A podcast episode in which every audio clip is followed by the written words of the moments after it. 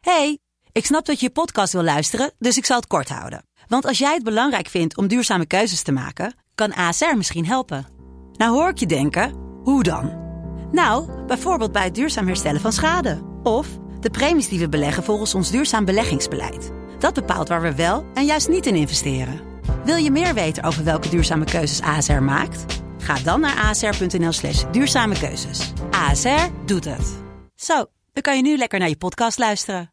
hey, ik snap dat je je podcast wil luisteren, dus ik zal het kort houden. Want als jij het belangrijk vindt om duurzame keuzes te maken, kan ASR misschien helpen. Nou hoor ik je denken, hoe dan? Nou, bijvoorbeeld bij het duurzaam herstellen van schade. Of de premies die we beleggen volgens ons duurzaam beleggingsbeleid. Dat bepaalt waar we wel en juist niet in investeren. Wil je meer weten over welke duurzame keuzes ASR maakt? Ga dan naar asr.nl slash duurzame keuzes. ASR doet het. Zo, dan kan je nu lekker naar je podcast luisteren. Want Ik eh, hou wel van Limburgse vlaai. eh, Maxime Verhagen komt er vandaan. en die man die, eh, van eh, At Your Service, Ach, die, eh, hoe heet die? Pieter. eh, Nee. Pieter.